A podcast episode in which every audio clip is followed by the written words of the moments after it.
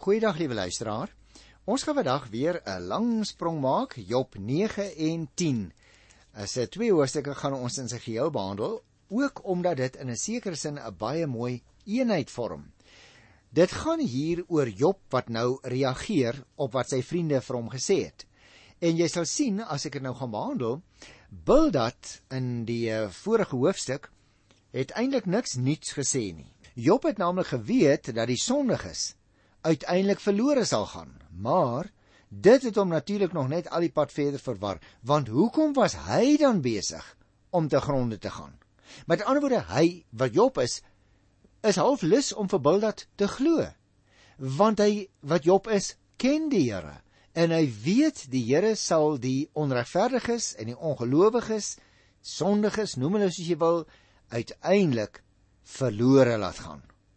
En nou beleef Job hom al meer as so iemand. Hy begin nou so bietjie twyfel aan homself op hierdie stadium. Hy was naamlik oortuig dat hy nie so verleiding verdien nie en woude sy saak aan die Here stel. Ons sal dit nou nou sien daar by vers 35. Hy het egter ook besef dat dit nie veel nut sou hê om met die Here te redeneer nie.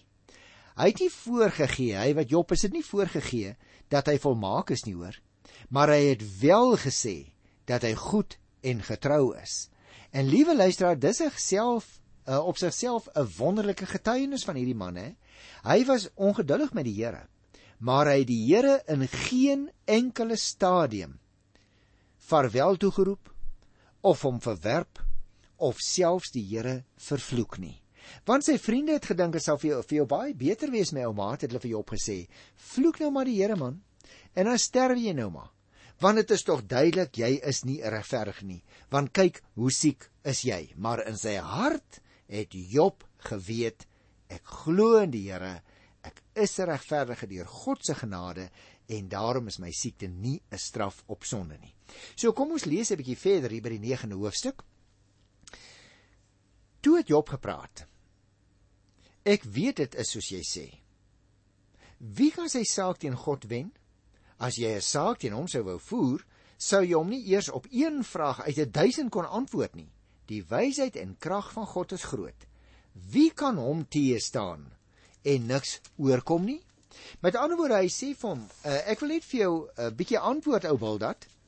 Ek ken die Here en ek weet 'n mens moet nie jou spiere span as jy voor die Here staan. Jy moet nie maak of jy iemand of iets is nie, maar hy kan jou met een oog wink van die aarde af wegvee. En luisteraar, as daar iemand is wat na ons program vandag inskakel en wat dalk nie die Here glo nie, of iemand wat dink jy kan op jou eie insigte staat maak of trots is op jouself omdat jy baie besittings het, dan wil ek vir jou sê moet versigtig wees, hoor. 1 Korintiërs 10:13 sê hy wat meen dat hy staan moet oppas dat hy nie val nie.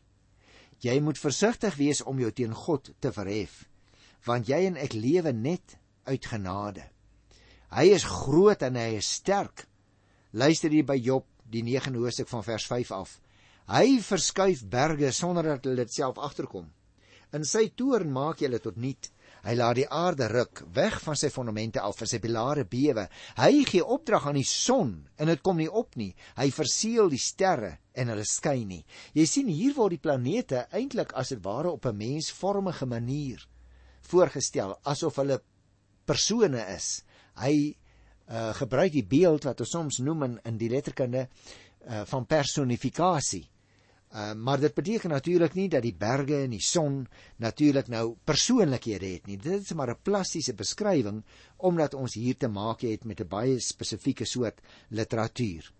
Kyk by vers 8. Die Here het die hemel soos 'n tent gespan, hy alleen. Hy het die golwe van die see met dwang. O, oh, hy het die beer en die Orion gemaak, die sewe sterre en die sterrebeelde in die suide. Wat hy doen is groot en ondeurgrondelik. Wonder op wonder. Is dit nie pragtige plastiese beelde wat uh, hier gebruik word in die Bybel, nie liewe broer en suster? Daarmee wil die boek Job maar sê, die mag van God, soos wat dit geopenbaar is in die natuur, gee ons 'n aanleiding van wie hy is.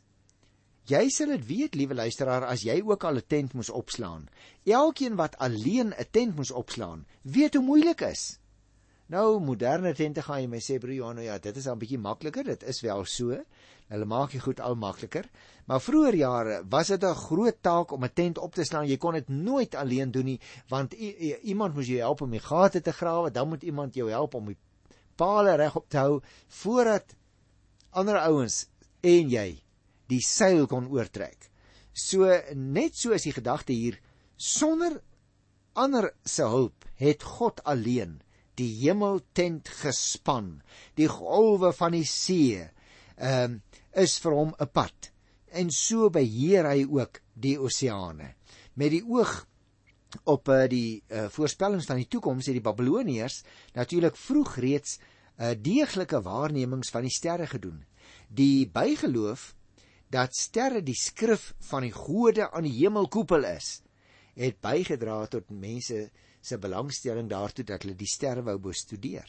Nou baie interessant, die uh, drie sterrebeelde wat hier genoem word, die beer, die Orion en in uh, hoofstuk 38 die sewe ster, het natuurlik die aandag getrek omdat hulle so helder glinster.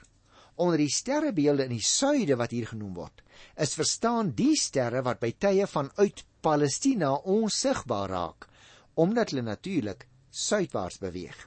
Nou is dit veral hierdie sterre wat vir die landbou van groot belang was. Reisigers het snags hulle koers bepaal aan die hand van die sterre se stand. Kom ons lees vers 11 en vers 12. As die Here by my verbygaan, gewaar ek hom nie. Hy sweef verby, maar ek kom dit nie agter nie. As hy op iets beslag wil lê, Wie sal hom keer? Wie sal vir hom sê: "Wat doen u?" Jy sien 'n mens kom natuurlik soos uh, Job hier sê, self nie agter dat God by jou verbygaan nie. En as jy iets agterkom, kan jy hom nie keer om te doen wat hy wil nie. Wat wil hy sê? Niemand kan die Here tot verantwoording roep nie. Job kyk dus weg vir 'n oombliekie van sy vriende. Hy kyk ook weg van sy eie omstandighede en hy sien hoe almagtig God in sy heerlikheid is. Ek wil ook vir jou daaraan herinner, liewe luisteraar, want so herinner die Bybel my vandag ook hieraan as ek hier agter die mikrofoon sit. Dat jy en ek tog nie teen ons eie situasie sal vaskyk nie. Dat ons ons ook nie te veel aan mense sal steur nie. Want wie wat as ons eers weer 'n keertjie besef hoe groot God is en wie hy is, Ag man, dan vlieg ons vra saam met die voëls by die vensters uit. Dan verdamp ons angs soos wasem voor die son. Dan is ons rusteloosheid sommer net weg. Wil jy nie ook 'n keertjie saam met my in verademing voor die Here en sy almag staan nie? Kom ons kyk hier van vers 16 tot by vers 19. As ek na die Here sou roep en hy my sou antwoord, sou ek nie kon glo dat hy my gehoor het nie want dit is hy wat my met 'n stormwind pynig wat my baie wonde slaan sonder dat ek dit verdien wat my nie 'n kans gee om asem te skep nie maar my deurdrink met bitter lyding. As dit gaan oor krag is hy die sterker as dit gaan oor reg wie anders as hy kan 'n klag teen my inbring? Met ander woorde hy sê vir hulle hoor die kers Ek wil daarom ook nou nie net my asem wegskrik nie as ek na julle luister nie. As dit nou die Here was wat teen my klag sou inbring, dan sou ek skrik. Maar nou ja, teen julle, die dinge wat julle teen my uitbring, nou ja, daaroor gaan ek my nou nie regtig ontstel nie. Dit lyk vir my uh, luisteraar dat hierdie wat ons amper 'n gebed, gebed kan noem van vers 16 tot by vers 19 moet ons onthou die gebed is amper 'n ruimte waar binne jy en ek seker dinge vir die Here mag sê. Nie dat ons dit altyd wil sê op die manier wat Job het gesê het nie, maar dat ons as ons in die gebed tot die Here gaan, dis amper asof hierdie man net na die Here kyk. Hy hy hy verloor as dit ware, mag ek dit so indruk, so uitdruk. Hy verloor as dit ware vir 'n oombliekie kontak met die werklikheid. Hy weet net wie die Here is. Nou nadat Job nou hier in die 9de hoofstuk gepraat het oor die wysheid en oor die krag van God, dan kom hy hier by die tweede gedeelte wat ons wil behandel van vers 20 af. En dan sal jy sien, hy sê in gewone Afrikaans as ek dit kort mag opsom, of ek skuldig is en of ek onskuldig is. Dit is om te ewe. Jy sien Job sê hier dat die Here hom veroordeel het ondanks sy goeie lewe. Sy lyding het nie opgehou nie. Hy het al hoe ongeduldiger geraak. Hier kry ons dus 'n ander faset van hierdie man se lewe. Die feit dat sy twee vriende wat nou al aan die woord was om almekaar gepeper het met hierdie gedagte. Maar jy het gesondig, daarom is jy so siek. Dit laat nou vir Job ook so 'n bietjie twyfel. En nou begin hy aan homself ook twyfel. En luisteraars, ek het dit soveel kere in my bediening al gesien. As jy vir 'n mens wat baie siek is sê, "Hoor jy is siek want jy het gesondig." By die begin kan hy miskien sê, "Haai, maar wie, ek kan nou nie onthou wat nie en die dinge wat ek gesondig het, het ek voor die Here bely en hy het my vergewe." Maar as jy aanhou met daai storie, jy siek omdat jy gesondig het, dan raak daardie persone geweldig onseker van hulle self. So, liewe luisteraars, julle en ek moet tog nie bydra daartoe dat siek mense of mense wat lyding verduur of mense wat swaar kry nog meer gaan swaar kry deurdat ons 'n godsdienstige las wat verkeerd is op hulle gaan aflaai nie. En dit is wat Job nou hier ervaar. Hy voel nou al het hy lojaal teenoor die Here gebly.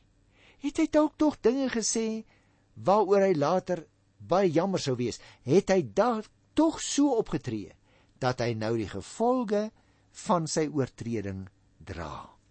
En daarom in hierdie afdeling val dit my nogal op hier van vers 20 af dat Job eintlik baie sterk taal gebruik op 'n stadium. Kyk byvoorbeeld na die beeld te vers 23. Hy sê: As 'n vloedramp skielik die dood bring, lag God oor die wanhoop van die onskuldiges.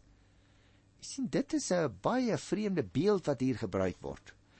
Ehm uh, kyk byvoorbeeld in vers 22. Eintlik is dit om te ewe of ek nou lewe nê en of ek nou sterwe. Dit is byna 'n fatalis wat ons hier aan die woord het. Ons ons sien amper nie vir Job raak nie. Hy is daarvan oortuig dat hy die reg aan sy kant het, dat hy onskuldig is, maar in sy verdediging van homself sal hy selfs hier die verkeerde woorde gebruik. En daarom is dit baie belangrik dat ons raak sien dat dit nie waar is of ek skuldig is en of ek onskuldig is. Ek kan nie maar net so vrede maak daarmee nie. Ek moet weet dat ek voor die Here onskuldig is as die Here my vergewe het. Daarom sê Job ook hier in vers 32: Die Here is nie 'n mens soos ek dat ek op sy vrae sou kan antwoord nie dat ons in 'n hofsaak teen mekaar betrokke sou raak nie. As daar maar iemand was wat in 'n saak tussen ons kon oordeel, wat oor ons albei onpartydig kon regspreek, as daar maar iemand was wat God se straf van my kon wegneem sodat sy verskrikking my nie skielik oorval nie, dan sou ek sonder vrees kon praat. Maar so sake nou met my staan, kan ek nie. Hy sê: "Wiele manne, julle laat my regtig nou half twyfel aan myself." So ek wil net vir julle sê selfs al is dit onmoontlik, God is die regter. Niemand kan teen hom iets inbring nie. Maar selfs as dit moontlik sou wees, dan wil ek vir julle sê, dan gaan ek nog steeds antwoord. Ek is onskuldig want ek behoort aan die Here. Jy sien omdat Job onbewus is van 'n oortreding, hou hy dus vas aan sy onskuld wat bewys sal kan word selfs al sou daar 'n buiterstaander as 'n regter optree. Wat God met Job doen, sê vir hom dit is sy belewenis in hierdie oomblikke. Hy is skuldig. Maar omdat hy nie weet waaraan nie, daaroor proteseer hy. Hy sê julle peper my so met hierdie goed dat ek skuldig is. Maar sê vir my waaraan ek skuldig is. Hy soek dus iemand om die saak vir hom op te klaar. En uiteindelik luisteraars, teen die einde van die boek, ek gryp net so vir 'n oombliekie vooruit. Uh gaan die Here dit self doen. Dat die Here vir hom die hele saak gaan opklaar. Dit kry ons eers van Hoofstuk 38 tot by 41, maar ek wil dit maar so lank net vir jou sê dat jy nou nie dink hierdie ou is net moedeloos en negatief nie. En dit bring my dan by die derde afdeling. Ek het gesê ek gaan die drie afdelings behandel wat ons in hierdie twee hoofstukke kry. So die derde afdeling kry ons hier in Job 10 as 'n een eenheid. Waar Job nou as dit ware, weet jy, ek sit hier agter die mikrofoon en ek vat so aan my voorkop en dan sê ek vir myself, dis seker wat Job gedoen het. Waar hy as dit ware 'n sug uitstoot en hy sê in hemelsnaam laat my tog net met rus. Want hy weet hy het nie oortree nie en hierdie ouens hou net aan daarmee maar jy moet skuldig wees anders sal jy mos nou nie so siek en vol swere hier op die ashoop sit nie. So kom ons kyk uh so na die hooftrekke van die 10de hoofstuk ek lees vers 1 my hele lewe walg my Daarom wil ek aan my klag vrye teels gee en in my bitterheid praat. Jy sien dit is net menslik, liewe luisteraar, om te midde van onverklaarbare probleme en swaar kry uiteindelik aan selfbejammering oor te gee.